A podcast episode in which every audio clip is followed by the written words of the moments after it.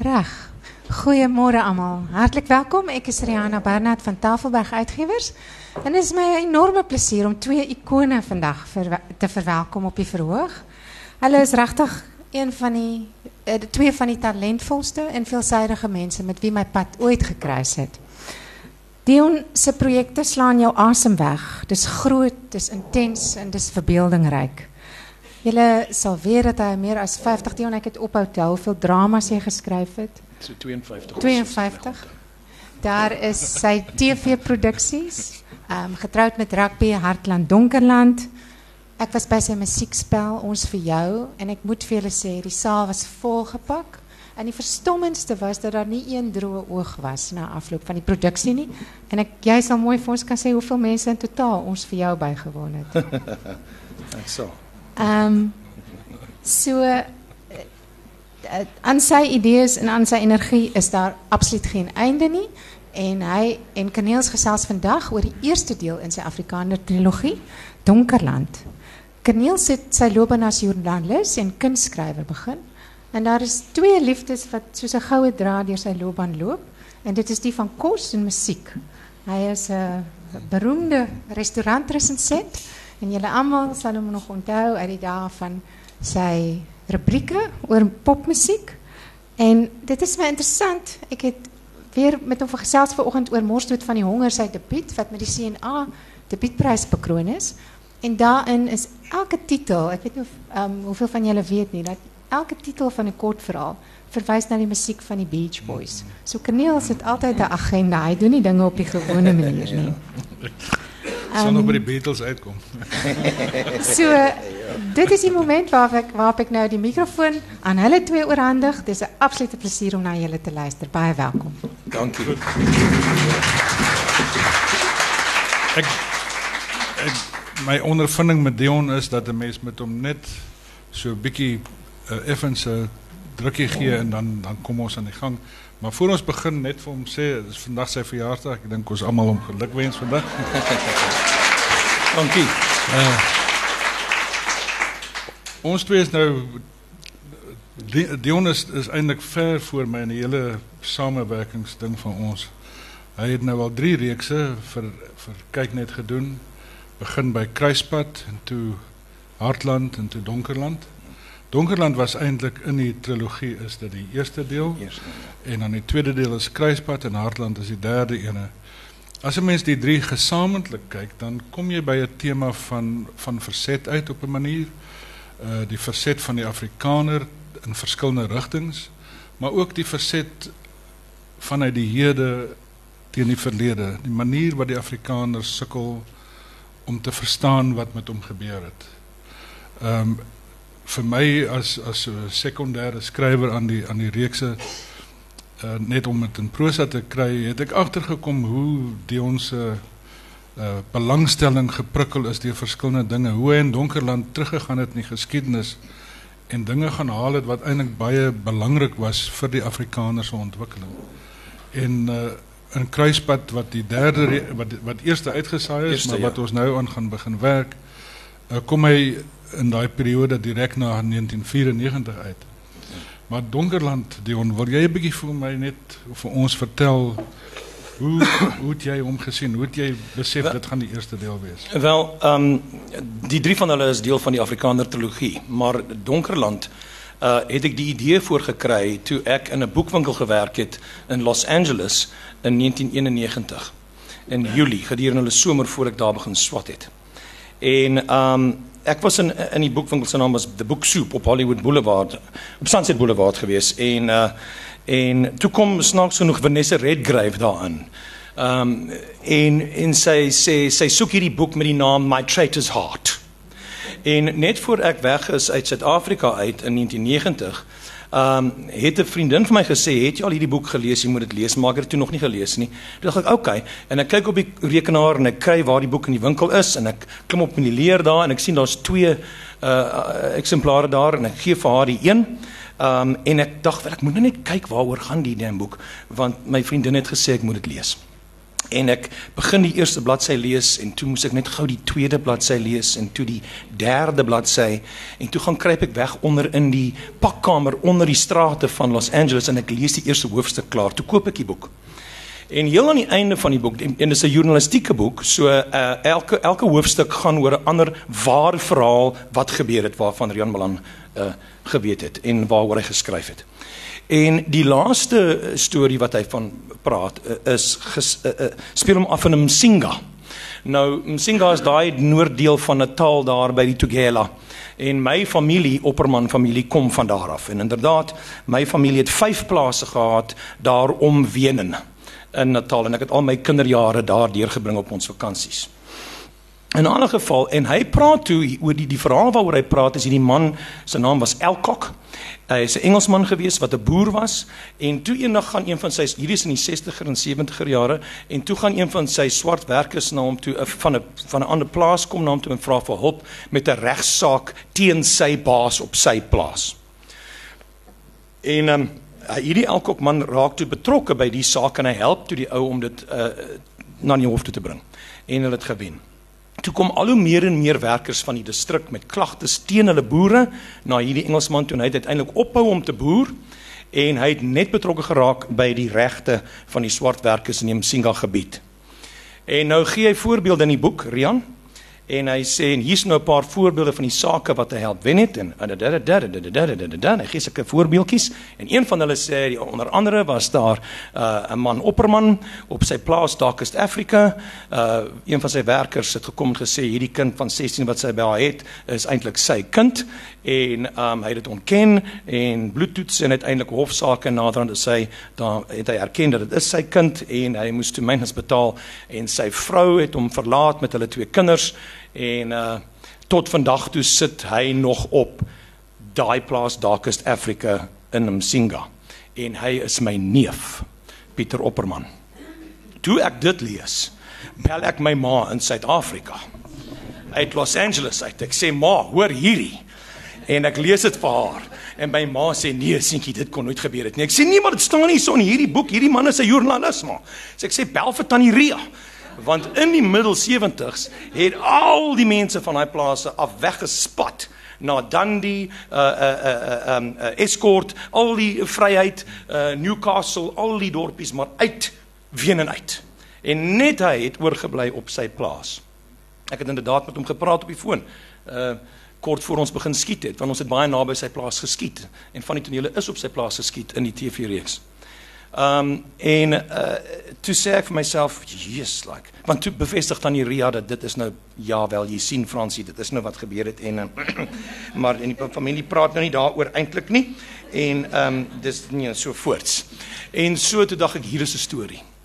Hier is 'n hier is 'n drama. En ek ek laat hom toe in my agterkop, ek verhuis toe van Los Angeles na Chicago toe en uh op 'n stadium besluit ek ek dink ek moet nou die drama begin skryf. En dit sou 'n enkel drama wees soos 'n uh, Kaburu of 'n uh, aantrekkingskrag of 'n stille nag, uh, een van my 24 minute. En ehm um, en en ek, ek my begin was toe die ou tannie, oud, ek wil hê Wilna Snyman moes dit speel. En dit die ou tannie ehm um, nou daar uh, sit in die huis en die ousie kom in en sê sê ou mens, hier's 'n jong man hierson en dan stap dan nou 30 jarige mannetjie nou daarin en dis nou kastig ek en hy en hulle praat en sy sê mensdom ek het jou lanklaas gesien en ek tik nou die dialoog en eh, daar in my kamertjie in Chicago. En uh en uh en toe op 'n stadium sê hy vir maar tannie wat het nou hier gebeur? En ek tik die dialoog so en sy antwoord hom so. Ek onthou hierdie so goed ek daar gesit en tik het op een van daai eerste Apple Macs wat so dik was so laptop so dik was hy. Omtrent met wat 1 meg RAM. Ja, ja, nie eers 'n meg nie ja 640k en en um uh sy sê ag my kind voor jy kan verstaan wat hier gebeur het moet jy verstaan hoe ons hier gekom het. En toe ek dit ek toe hou ek op dit en toe sê ek weet jy wat? Hierdie is nie net 'n drama oor hierdie een insident nie want die van julle wat wel donkerland gesien het op TV sal daai insident herken van episode die die die, die amper by die einde die tweede laaste groot verhaal 1976 is dit is die dit is die saad dramatjie van die hele Donkerland reeks. En ehm um, ek dink nee, hierdie is van hoe hulle op daai plase kom het reg van die begin af die hele familie se se se se generasies na mekaar en in dit kan ek die geskiedenis van Suid-Afrika uh ondersoek soos dit oor daai plaas getrap het. So kan die plaas gebruik as 'n plek as Suid-Afrika as ware. En ehm um, en soos jy nou tot op hier is ek in Chicago waar ek by Northwestern Universiteit geswat het, my M gedoen het en hulle het daar die tweede grootste Afrikaner biblioteek ter wêreld. Die ander een is in Texas, nie in Suid-Afrika nie. Uh Amerikaners is mos mal op daai manier as hulle ryk word, skenk hulle baie geld aan hulle universiteite. Dis hulle groot ding. So die geboue word nie die wetenskapgebou genoem nie, dit word die John J Lewis Hall genoem. Dit word die jy weet Fannie Mae, dit almal het name. Dis die mense wat daarvoor betaal het. In elk geval hulle gee baie terug. En natuurlik hulle word ook skatryk. jy weet in dollars nie rande nie. So jy weet. Maar uh, hoe dit ook al sê, ek doen toe navorsing. Toe daar sit ek vir die jaar wat ek daar swat, is ek toe ook in daai biblioteek en daar sit ek tussen die tussen die rakke van daai biblioteek en lees uh voortrekker uh dagboeke in Hollands is hulle daar op daai rakke. Daai mense, jy kan nie glo wat hulle daar, hoe enorm hierdie biblioteek is nie, net gewy aan die letterkunde en geskiedenis van Afrika. So jy weet alles kan jy daar kry. Elke laaste ding en alles wat verband was ook. En so ek het vir 'n jaar en 'n half uh, geskryf, uh, nagevors en gelees en toe uiteindelik toe ek terug is in Suid-Afrika, toe begin ek die verhaal skryf. So dit is hoe Donkerland sy begin gehad het. Uh, en waar die idee vandaan gekom het. Kan ek net hier vinnig net net net so puntparagraaf net so interessante feit wat jy noem van die biblioteke daar in in Amerika. Die ander ene wat jy na verwys is die Harry Ransom biblioteek in Austin. As ja. enige van julle ooit so intoe gaan gemaak toe gedraai daar. Al die Herman Charles Bosman manuskripte is daar en feitelik elke groot Afrikaanse roman wat verskyn het in die laaste hoeveel jare sal in Austin wees. En Harry Ransom was die ou gewees wat wat die biblioteek se skenking gemaak het. Maar hulle is die enigste ag enigste universiteit in die wêreld wat nie 'n begroting het nie. Want hulle op die gronde van die universiteit is daar olie Ja. uh, uh, gekry en daai olie gee vir hulle absoluut nimmer eindigende fondse. En dis hoekom al daai manuskripte daar is. En afval dat ons net terugkom hier na toe. Ehm um, in in Donkerland is daar een toneel gewees om aan te sluit by jou neef en sy ehm uh, um, um, problematiese verlede. Ehm um, en Dion gebruik dit baie baie goed in die toneelstuk dat jy die een woord wat hang oor hierdie hele groot toneel word nooit gesê nie. En dit is 'n woord wat meeste van julle wat uh, my ouderdom is of die ons ouderdom sal daai woord ken. Ontug. Onthou jy dit een van die sleutelwoorde van apartheid. Ja. en dit het gewys of geslaan op op geslagsgemeenskap tussen persone van verskillende kleur. En hoe die manier hoe dit gemanipuleer word in daai toneel is eintlik verstommend. En want niemand gebruik ooit die woord nie maar die die die die uitwerking daarvan. Die oomblik wanneer almal weet hy het onte gepleeg begin alles uitmekaar uitspat en die lekker ding van Hartland die volgende uh, reeks wat hy ongedoen het is dat daai ding wat hang oor almal die geheime wat verswyg verswyg word is 'n ding wat hy dan verder voer. En dit is dan nie 'n apartheidsgeheim in Hartland nie maar is persoonlike geheime dinge wat mense behoort raak te sien in hulle daaglikse handel en wandel maar verkies om nie te sien nie omdat dit die familie ewewig sal versteur. Ja. Is daar iets van die aard ook in in in 'n uh, kruispad? Ja, kruispad wel, om julle 'n idee te gee van hoe die trilogie werk. Hy word nou deur kyk net in 'n in 'n in 'n box set uitgegee. Dan kan 'n mens die hele ding sien, al 39 episodes. Maar hoe hy werk is dat Donkerland speel min of meer 'n episode of twee episodes per generasie. So Donkerland beweeg in generasiespronge. As jy weer kyk as die ouetjie wat daar 16 was nou die 45 jarige pa en hy het nou self kinders. En so beweeg hy deur sewe generasies. Waar Kruispad wat eers gedoen is maar eintlik die middeldeel is van die trilogie, het beweeg in episode per jaar oor 13 jaar. En dan Hartland speel af 'n episode per maand. En ek het dit moetswillig gedoen so sodat die sodat die die verhaal versnel en ook ja. omdat dit kom tot by die hede en so meer moet vertel word in dieselfde tyd. Ehm um, so eerstens dit.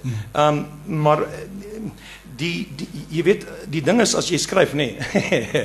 ek dink altyd aan môre se lang dag. Ek gee jy vra my nou die vraag, ek sal dit antwoord. Uh want ek het nie 'n antwoord nie. My my antwoord is hierdie. Um in môre se lang dag uh is daar uh, my eerste drama ooit want ek wou verloof raak toe skryf ek 'n drama om 'n ring te kan koop. En dis hoe ek 'n dramaturg geword het per ongeluk. Dit gaan altyd om 'n vrou, nee. Ja. Ek wou eintlik akteur wees, maar hulle het 1000 rand aangebied vir 'n drama, toe sê ek, "Oké, okay, ek skryf 'n drama." En toe sit môre se lang dag toe ek nog op Waasrie was en ehm uh, dit was baie geld daai tyd, 1000 rand. Nou onthou jou fooie was 750 rand 'n jaar. Jy moet verstaan wat 1000 rand was vir my in 1983. Dit is ongelooflik hoeveel uit geld. Ja, ja. Dis is dis like getting 35 40000 rand nou. Ja. Dis baie geld hoor. En ehm um, ek het 'n mooi ring gekoop. maar ehm um, in in in Morislang dag is daar hierdie oomblik waar hierdie absolute idioot van hy saam met hierdie boelie lappies in die tent in en alles is op die grens in 'n tent.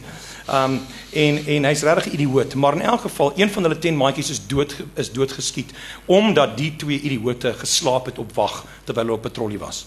Maar hulle noem dit nie. En in elk geval, naby die einde kom die klein ouetjie Kosie wat so geboelie word deur almal in met die pos wat gekom het nou daai aand in die possakke. En um maar daar's 'n brief vir Willie wat dood is en hulle weet nie wat om met die brief te maak nie. Dit het regtig met my gebeur in die army. Ek het 'n pel gehad, hy was 'n goeie vriend van my en toe kom die pos daaraan vir hom, maar ek weet toe hy sal klaar dood. Nou weet jy nie, stuur jy nou die brief terug na sy meisie wat dit geskryf het, dan wonder sy nou het hy dit ooit gelees of of of sien maar jy vernietig hom. Dan sal sy altyd dink wel miskien het hy ten minste daai brief gelees voor hy dood is. Jy sien, ek het nie geweet wat om met die brief te maak nie toe begrawe ek hom. En en dis waar ek hom gelos het. Daar op die grens is daar 'n brief oor 'n gat. En en um maar ek het toe het ek hierdie oomblik gehad waar hulle besluit wat om te maak en Van staan op en hy sê gee dit vir my ek sal dit doen. En hy gaan begrawe die brief. En so daar's 'n sekere soort van redemption, jy weet, vir hom daarin dat hy jy weet vir sy sondes goed maak. Right. Maar in elk geval, na die drama by die uh, eh, ATKV kampus toneel, moet jy nou op die verhoog sit dan vra die gehoor en almal kenners net, uitgenooi gehore, teatermense in lui en hulle is almal baie intelligenter as ek. En hulle vra my hierdie uh, slim planne. En ek wou nie die geld hê. En en uh, en hulle sê vir my, jy weet ons het die eerste uh, afskrif, die eerste draaf gelees van Morslang dag. En daai gebeurtenis met Van was glad nie daarin nie. Wat het jou, jy weet, geïnspireer om so ryk metaforiese oomblik in te bou in die drama? Wat het jou laat besef dat dit kort net dit te sê ek wel om die waarheid te sê en hierdie was die waarheid, okay? Is 2 dae voor ons opgegaan het, het ek die drama getime en ek het besef hy's 5 minute kort. En ek gaan toe, waar kan ek iets inskryf? En toe onthou ek, o, wat van briewe? En uh, ek weet Van kan die brief ding doen en dit sal nice wees en dit het my 5 minute ekstra gegee in die drama dat ek die 1000 rand kon kry want ek was so naïef om te dink as hy effens te kort is sal hulle sê nee jy kan nie die cash kry nie want ons het gesê hy moet langer as 'n uur wees jy weet. So my antwoord is ek weet nie. Jy weet um uh, wanneer jy skryf probeer ek probeer wanneer ek skryf probeer ek sorg dat die karakters met goeie redes afgaan en opkom. Laat laat die laat die vakmanskap reg is um vir my is is drama skryf soos houtwerk doen wat ek graag doen. En jy moet jou tappe en voë reg kry en daarvoor moet jy vir ure oefen en tik met jou bytels en leer hoe om daai vee te maak dat dit inpas presies in daai die gedeelte jy weet in dit ek ek sit nie daar en gaan ek gaan nou grootse letterkunde skryf nie. Ek wil kyk na hierdie probleem van die mens wees en die mens bestaan en ek moet sorg dat die gehoor van begin tot einde geboei bly en daarvoor hierdie tegnieke wat 'n mens kan gebruik net soos wat jy 'n goeie kabinet om mekaar kan sit Daar is tegnieke wat jy kan leer en oefen en jy raak beter en beter met hulle. Maar soos jy daai proses doen, ja, dan kom verweef dinge hulle self daarin. Ek sou graag as ek mag ja. daai my gunsteling uh, aanhaling is 'n aanhaling van Goethe wat gesê het it matters a great deal whether you seek the particular to illustrate a general truth or whether in the precise observation of the particular, the general truth is discovered. So, because the former is mere allegory and the latter the nature of true art. Met ander woorde, met ander woorde, jou werk is om te sê ek skryf nou hier 'n drama oor hierdie vyf ouens in 'n tent. En ek wil dit so presies en korrek observeer en uitbeeld en dan struktureer en dan wat gebeur is dit word soos Boesman en Lena wat eintlik gaan oor twee kleerlinge in die Oos-Kaap naby PE op die matflats daar wat jy kan gaan sien. Jy kan die stack of chimneys waarvan hulle praat sien en hulle is daar. Maar dit word natuurlik 'n waiting for God dit word 'n dit word 'n baie groot metafoor vir die mense bestaan in hierdie matflats van die bestaan. 'n man en 'n vrou. En en so maar dit gaan oor Boesman en Lena. En dis reg oor hulle maar is ook oor baie meer. Maar as jy probeer om te skryf oor die baie meer, begin jy allegorie skryf. Jy moet skryf oor die partikulêr. En dan sal daai algemeen kom sy nes maak daar as jou vakmanskap goed genoeg was. Daarom wil studente altyd die grootste en belangrikste en diepste en betekenisvolste drama wat nog ooit in die geskiedenis van drama geskryf is met hulle eerste drama skryf. Ek wou ook en Tim Haysamen, my dosent by Rhodes Universiteit, toe kom dit sê, ek gaan hierdie drama skryf oor die grens en ek gaan die drama stilte noem. Want niemand praat met niemand regtig nie. Dis net asof jy in stilte leef. Ek wil hierdie beddens moet gemaak wees uit spykers, want so ongemaklik is 'n army bed en ons stap so af onder die bome daar op die kampus en hy sê vir my wel as ek vir jou 'n stukkie raad kan gee ehm um, hoekom uh, los jy nie daai soort slimmigheid vir later nie en probeer 'n drama skryf waar jy net die basics reg kry? En toe skryf ek môre 'n lang dag. En die titel was nog steeds stilte gewees en toe lees ek die drama vir Frans van Swart wat my hoof was daai tyd. En daai daar was dan nie woordverwerkers nie. Ek het getik op 'n Royal typewriter okay ek het hom met die hand uitgeskryf inderdaad En ehm um, en toe sê ek moet vir my fotostaat maak. En toe maak ek gaan op die biblioteek toe en ek maak 'n fotostaat en ek vergeet die laaste bladsy in die fotostaatmasjien. En toe ek vir hom dit gee, toe gaan ek o, hel, waar's myne? Toe sit ek daar en ek skryf toe met die hand weer die laaste bladsy uit dat ek ook 'n laaste bladsy het want ek het toe fotostaat vir hom gemaak. En ek skryf dit so, hy's net so 'n stukkie wat ek moes oorskryf. En die derde laaste spraakbeurt is waar Neil Christus sê slaap ou môre 'n lang dag. En toe ek dit oorskryf, toe sê ek van weet jy wat die titel is nie stille nag, stilte nie. Die titel is môre 'n lang dag. En so die titel het gekom omdat ek die bladsy verloor het. Ja. So wat ek probeer illustreer is, dis hoe min slim vooruitdenking, jy weet, maar daar's baie essays, ek het al emme gelees nou al oor die betekenis en implikasies van môre is 'n lang dag en wat Opperman daarmee bedoel het.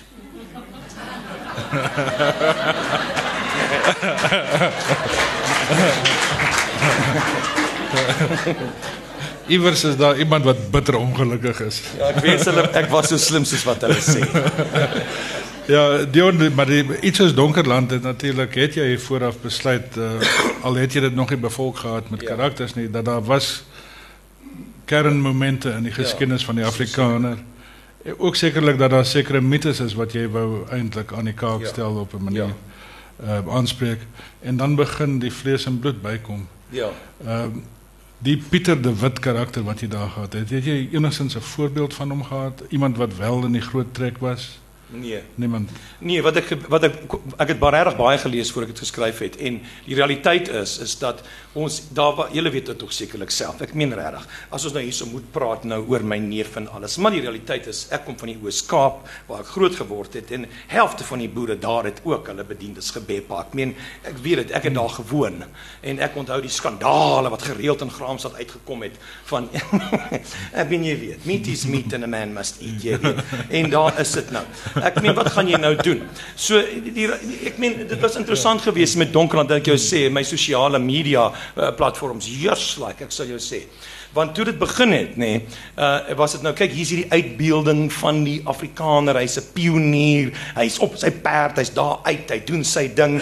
En um en hy veg teen die Engelsmanne wat hom wil opdonder en hy stig sy plaas en so voort. So vir die eerste paar episodes voor dit begin nou beweeg na die 20ste eeu toe en dinge al hoe moeiliker begin raak het. Al die pad tot by die boereoorlog. Die episodes waarin die die die huise afgebrand word en die vrouens word weggevat en hulle gaan dood in die konsentrasiekampe. Wel op my Facebook en op my Twitter en oral was dit net Dion jou Billy. Dion, jy's 'n Billy. Jy weet dit was fantasties geweest. Toe gaan ons 'n bietjie nader aan 929 en in 48 toe begin die osse waar brandwag ook in die storie inkom en ander dinge en die ouens begin ouens paar ouens bliksem daar op die plase en is toets dit Dion jou bliksem jou verraaier. So ek het te gelyk briewe gekry van mense wat my sê dis fantasties dat jy hierdie hierdie geskiedenis so oop ploeg dat ons na alles daarin kan kyk. Terselfdertyd kry ek briewe wat sê jou verraaier hulle moet jou skiet. En dan het ek ander mense wat gekry het ek is totale rasis omdat ek probeer wys dat die Afrikaner goed is. En waar enige toneel waar die Afrikaner goed gewys is het ek gekry jou rasis. Jy is goed. En as ek die Afrikaner sleg gewys het, ek gekry jy's 'n sleg moer want jy probeer die Afrikaner afsê en sleg maak. En ek gaan maar hulle is al hierdie dinge. Jy verstaan. So in Kaburu byvoorbeeld sê die ouma reg aan die einde want die stuk daar gaan oor die sondes van die vaders.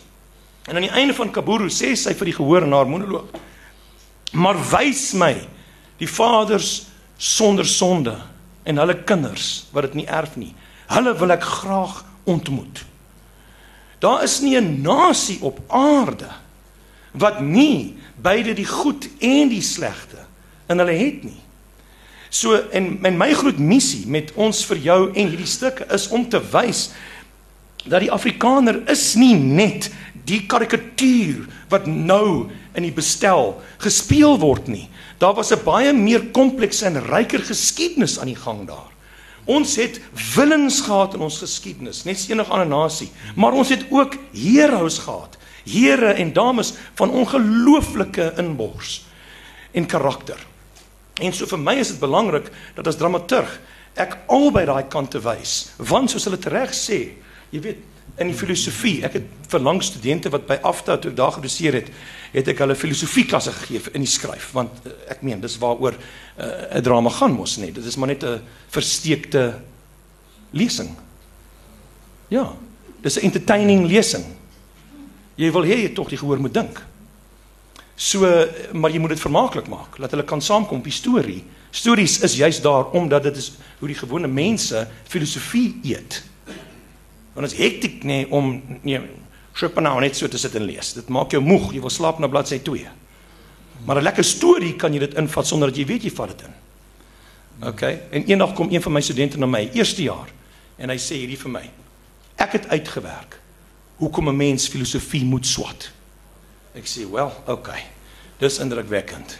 Ek weet nie dit help jou om dramas beter te skryf, maar as jy verstaan hoekom die mensdom filosofie moet swat, sê vir my seun, Hy's 19 jaar oud die kind.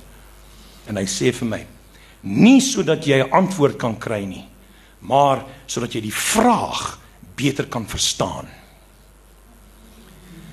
En my werk as dramaturg is nie om gehore antwoorde te gee nie, maar dat hulle die vraag dieper verstaan. En dan anders sal leef omdat hulle dit dieper verstaan. Sodra jy begin antwoorde gee, is jy besig met propaganda. Hier is hoe dit moet wees. Ek het nie antwoorde nie. Hoe kan jy daai vrae vra as jy net een kant neem?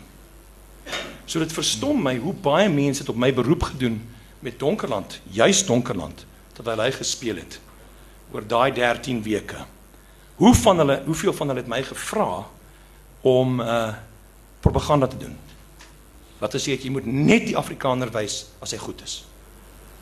Ek gaan maar kan nie dit doen nie want ek wil hom in sy volle ronde mensheid werk. Hmm. En ek self as ek hier sit, het my eie gevalle sonde in my. Maar ek het ook my goed en my goeie in my. Ek is per slot van sake gevalle mens. Ek is nie propagandist nie. Hmm.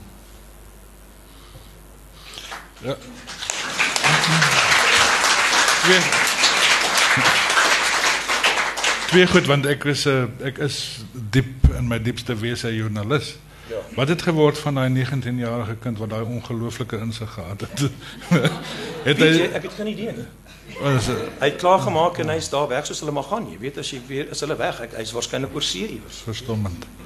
En dan die ander ding, die uh, Donkerland vir my het 'n ander ding na vore ook gebring wat wat vir my heeltemal toevallig was omdat jy met hierdie groot geskiedkundige palet werk. Ja.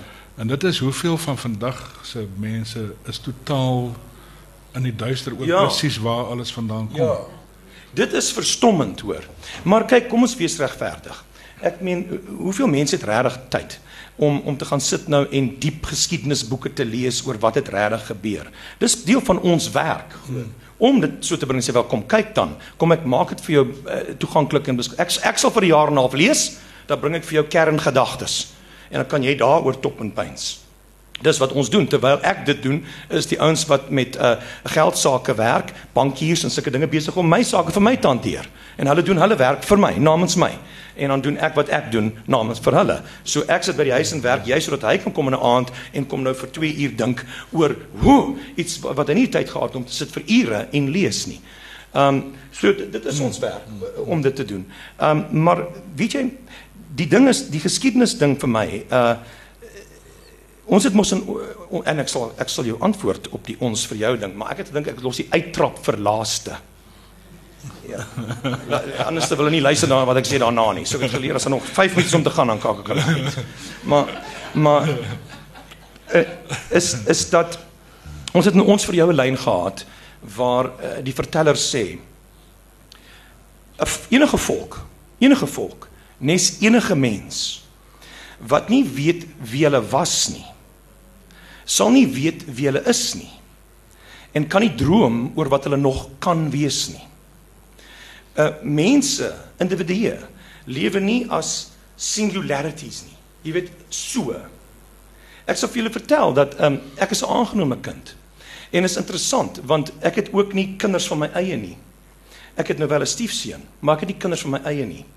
En een van die diepste uh ingrypendste realiteite van my lewe is dat in 'n groot mate is ek 'n singularity.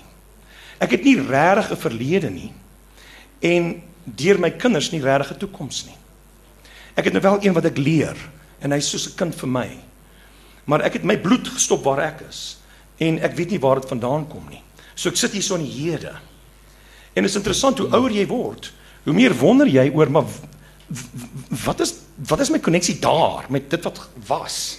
En jy weet, So my van vanne was Olivier en Els. Het ek moes Marius Els gewees het.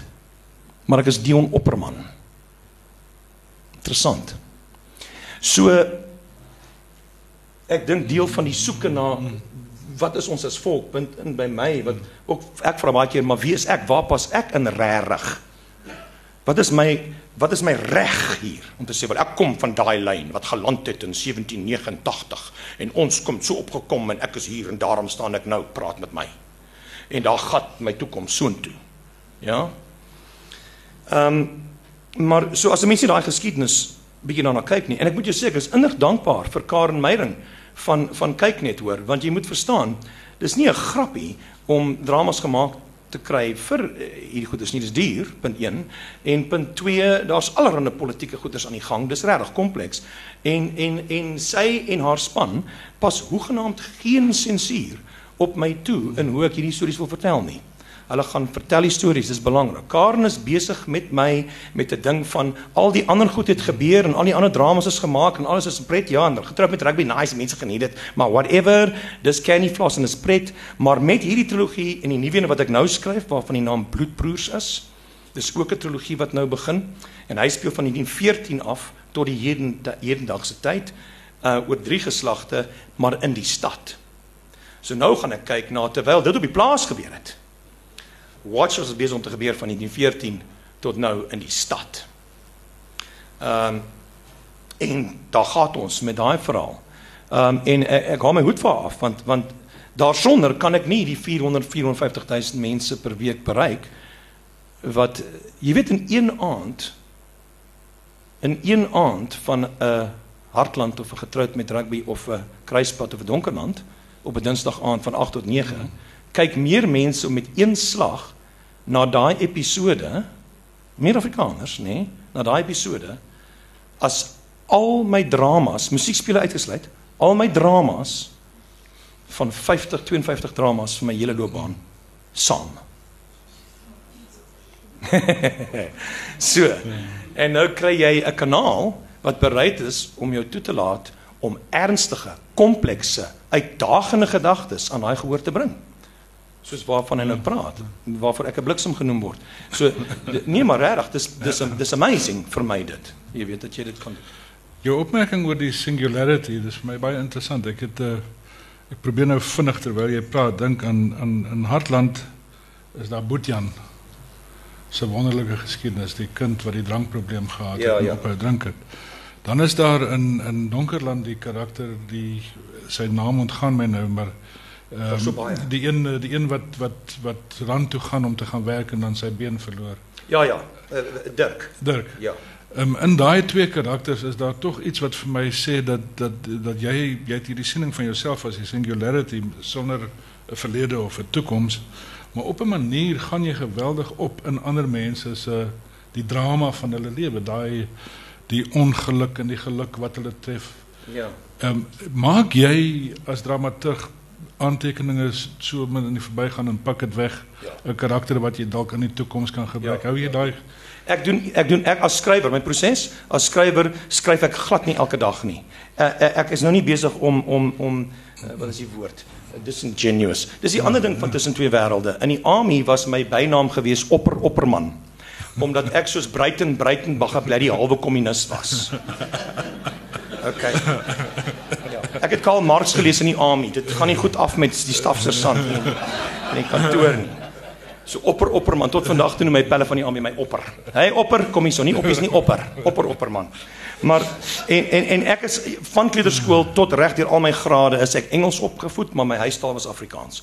So I can speak English very well. In fact, I speak English better than I speak Afrikaans and I have a much wider vocabulary in it because I studied in it as well. Maar Afrikaans is my voeltaal. En dramas gaan oor voel eers.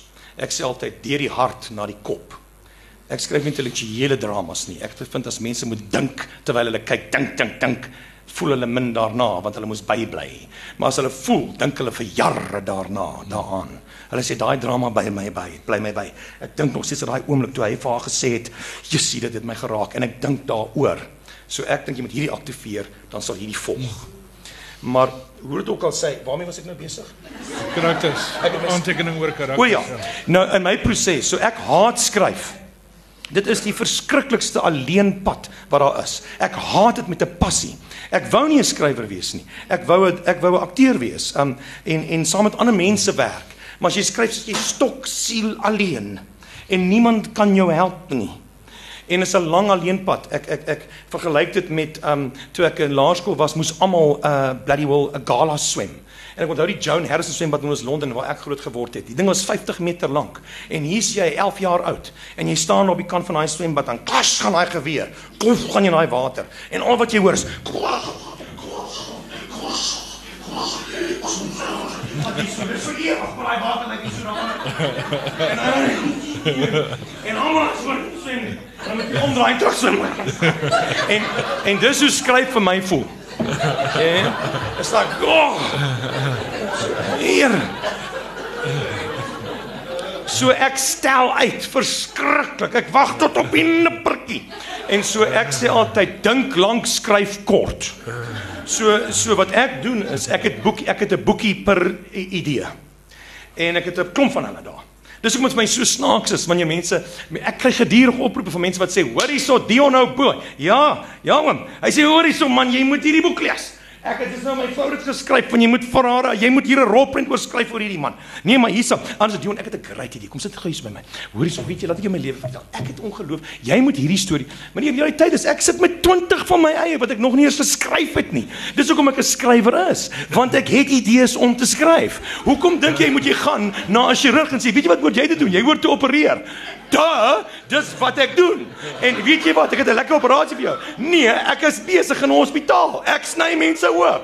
I write. Don't come and tell me what to write. It's what I do. Yeah, it's bizar. Maar ja. Dis so goed jy gaan na nou komponis en sê ek het 'n nice wysie vir jou. Da da da da da da da da. da. Jy weet, ek praat met my eie gode, jy weet. Jy sien, dit is bizar. Maar eh, maar nietemin so ek het 'n boekie per idee wat ek het en hulle staan so 'n stapel daar op my boekrak. En as ek o, dink ek, dan skryf ek dit daarin. Uh as ek in 'n restaurant is, o, op 'n tissue, dan sit ek hom in die boekie en so die boekie raak so vol papiertjies en pink papiertjies en goedjies op my foon. En onthou hierdie lyn dialoog. Toe kom dit uit so verskillende goeters. En op 'n stadium, ek noem dit die satelliete. Ehm um, op 'n stadium ehm um, uh, is dis sulke goeders wat in jou kop ronddryf, maar hulle wil net nie saamkom nie. Soos die, soos die Engelse sê coalesce. Hulle wil nie saamtrek tot 'n planeet nie, noem ek dit. Ek het nou 'n drama waarna ek al kou vir 2 jaar, die tweede wet. Dis die opvolg tot aantrekkingskrag. En ja, ek het al 'n paar keer gesit en gedink, okay, sal ek nou nie nee, is nie reg nie. Want daar's satelliete, maar hulle wil nie en dan word hulle een ding en ewe skielik het jy die drama. Die begin, die einde en jy weet waaroor hy gaan. Jy het net stukkies van hom so. Nou ja, daai stukkies skryf ek neer in boekies. En op 'n stadium dan gaan hy kdoem. En dan sê hy en kyk, 1000 rand vir 'n ring help baie om hom te laat maar, Ongelukkig betaal die fees nie genoeg nie om dit te laat gebeur nie. Dion kan jy drama bring, maar ons kan nie betaal nie en dan kan ook nie enige tantimes wees nie, maar anders is dit wil jy vir ons een skryf. Hier, ja, kan nie wag nie. so met daai ek ek dink sou sy vra Ja. As hier is daar is daar enige vrae uit die gehoor uit? Daar's een. Ehm um, jy het 'n redelike jong regisseur en kameraspan gebruik op donker. Ja. Ehm uh, maar soos ek verstaan het jy goeie verhouding met Joshua. En so hy het ook ander produksies van jou ook terug getrek Hy was first ID ja. Ehm um, hoe voel dit vir jou om vir so jong ou so 'n uh, passievolle en Ja. 'n ou storie Ja. te gee? Weet jy, ehm um, uh okay, nou is ons by 'n ander deel van my lewe. Ek het nie verniet uh afda saam met twee kollegas gestig nie. Ek glo dat die, dat in die kunste moet ons soos die ouens in sport so goed verstaan. Moet jy diepte hê. Dit help nie. Ons het 'n geneigtheid, veral in die filmbedryf en die TV-bedryf om almal klou hulle werkies vas en maak seker dat niemand hulle job kan oorneem nie. Maar my beleid is leer hulle alles wat jy weet die die geslag wat kom. So byvoorbeeld het ek 'n show wat nou uitgaan die 15de April begin hy. Sy naam is Sterlopers en julle sal hom sien. Dis 11, dis 13 halfuur episodes. Eerste keer ooit dat daar 'n halfuur drama reeks is. Dis nie 'n CP reeks waar elke week 'n uh, 'n sitcom reeks word klaar maak nie. Dis nie 'n CP nie, dis 'n drama reeks maar in halfure. OK? 'n 13 uur drama reeks. En ek het ek het daar bymekaar gekry 'n jong span vervaardigers wat wou leer om te vervaardig, regisseurs, skrywers, alles. En ehm um, gegaan na Karen toe sê hoor hierson, ek het hierdie idee, hier's die groep mense wat na my gekom en sê hulle wil graag aan iets werk, maar hulle weet nie hoe om uit te kom by kyk net nie. Want dat ek jou sê, dit help nie jy's 22 en jy's pas net baas en jy stap in daar en kyk en sê hoe sit ek op vir julle nie bedrag maak. Jy het 'n opperman nodig wat dan sou staan en sê ek staan pa hulle, Karie gee dit nou. dan gebeur Okay, dan gaan jy jy moet ek hoe moet hulle toegang kry? Dis onmoontlik om toegang te kry as jy jonk is. So if we don't have a mentoring program, hoe gaan ons hoe gaan ons hulle kry dat hulle op die regte oorlog in die regte slagveld leer? Um en hoekom nie? Want as jy enig oud is en jy's gatvol en jy's moeg, vervaardig hulle en hulle bel jou om te kon stap op die teks en betaal die restaurant. Jy sê, "Gat, sien jy? Dis mos nou besig om te sorg vir my toekoms." Dis so skills maak in die ou dae. Dat hulle jou kan So nee, eer, eerlikwaar. So so ek het hierdie spannetjie gevat. Ek het hulle ek het hulle geleer saam met my mense wat vir my werk hoe om te vervaardig vir TV op 'n kyknet begroting, hoe om te skryf vir TV, hoe om my tekste te struktureer, wat moet in elke teks wees, die casting alles en ek het hulle die hele ding laat maak onder my toesig. Maar hulle het die werk gedoen. Net waar hulle bal laat val en nie oppas gaan ons geld kos daar? Hoekom nie? Ja, want so. O, okay. Watch out, daai persoon jok dikwels, daar sê. En en die die reeks is gemaak en is pragtig. Nou daai spannetjie wat ek geleer het op daai kort reeksie, het ek nou bloedbroers voorgegee. Nou gaan hulle, daai mense in hulle laat 20s, nie net Joshua wat nou 30 geword hierdie jaar wat Donkland geskiet het nie. Ehm um, waaroor dieselfde voel. Dis 'n jong talent. Mense soos Egard van der Hoofen en François Swart, right, het my kansse gegee. Pierre van Pletsen, toe ek 22 was. Het hulle my dramas my dramas gevat en sê kom regisseer jou drama vir ons hier in uh, Soekofs, hier in die Staatsteater. Kom, doen dit. So hoekom sal ek nie gaan deure oopmaak soos daai manne vir my deure oopgemaak het nie. Lenet Maree by die Graamsstadse fees. Sy het vir my meer deure oopgemaak waarvan ek eers weet weet ek verseker. want sy was so invloedryk. So as ons nie daai generasie oplei nie, gaan ek moet werk tot ek 75 is. En ek ek wil nie. so ons moet er, nee, en so daai oorgee van daai kennis is vir my lekker. Ek het 'n span mense nou wat regtig verstaan hoe om TV te maak en regtig goed is daarmee. Nou gee ek vir hulle 'n 10.5 12 miljoen rand reeks om te maak. En ek ek het volle vertroue in hulle. So daar's nou 'n volgende generasie net daar. On their way. Ja.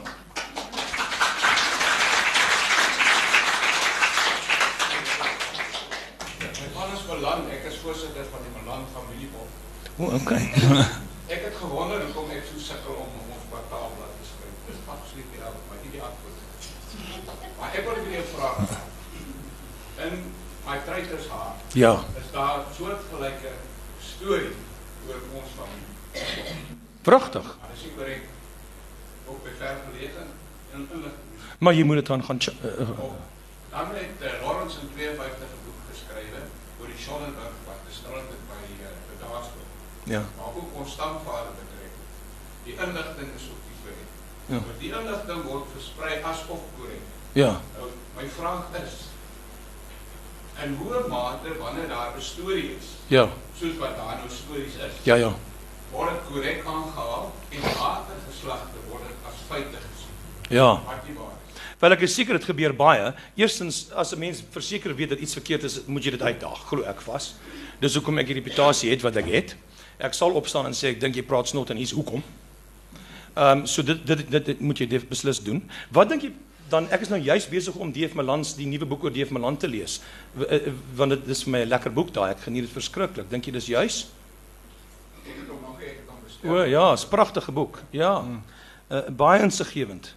Ehm um, maar so maar ek wil net sê wat ek doen met hierdie verhale is my my voorliefde as skrywer is om 'n uh, geskiedkundige konteks te vat, maar ek skep 'n uh, denkbeeldige karakters. So ek maak my eie karakters op wat binne die konteks van daai geskiedenis hulle ding gedoen het. Juis omdat ek ek meen hoe gaan sê jy hierdie is regtig hoe so en so was. So ek skep my eie karakters en dan laat ek die die ware gebeurtenisse, konkrete gebeurtenisse soos dit was die slag van Majuba. Kyk hoe dit impak gehad op hierdie familie. Maar daai is my storie wat ek opgemaak het binne die konteks van van die geskiedenis wat ons weet gebeur het.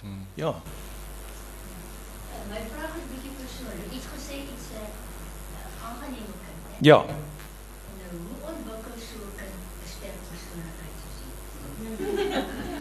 Wel, uh, Jy het hom met.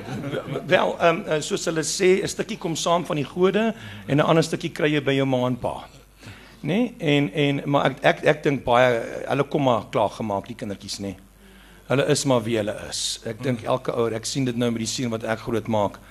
Hy is maar wie hy was. Ek het hom ken van hy jonk is. Jy lê maar daar. Ek dink jy jy leer jou praat, lees, skryf, tel, woordeskat en miskien manier van dink. Ek klink al hoe meer soos my pa soos ek ouer word, maar ek is glad nie soos my pa nie. So daai opvoeding het my nie in hom verander nie, is wat ek probeer sê. Ek is wie ek is. My pa was 'n industrialis. My ma was 'n huisvrou en ek is in die teater. Ek was hulle nagmerrie gewees. Hulle het gegaan, "O, Here, kyk nou hierdie." En wel, waar kom dit vandaan? En niemand anders in ek het nou wel uitgevind oor my biologiese, maar niemand anders van die die sewe halwe broers en susters wat ek het in hierdie wêreld is een betrokke by die teater nie.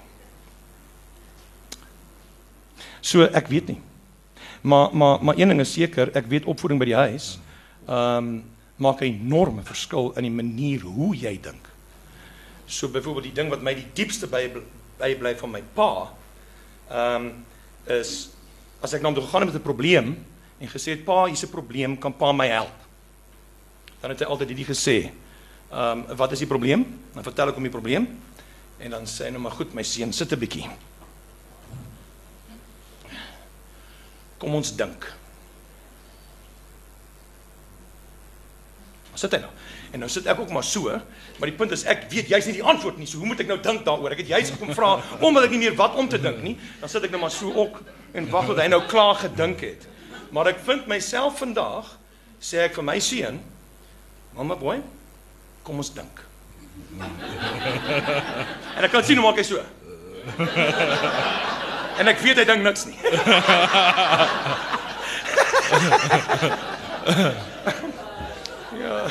ja, dan gaan we vrouw. Goed, baie dankie dat julle gekom het. Nee, baie dankie vir jou.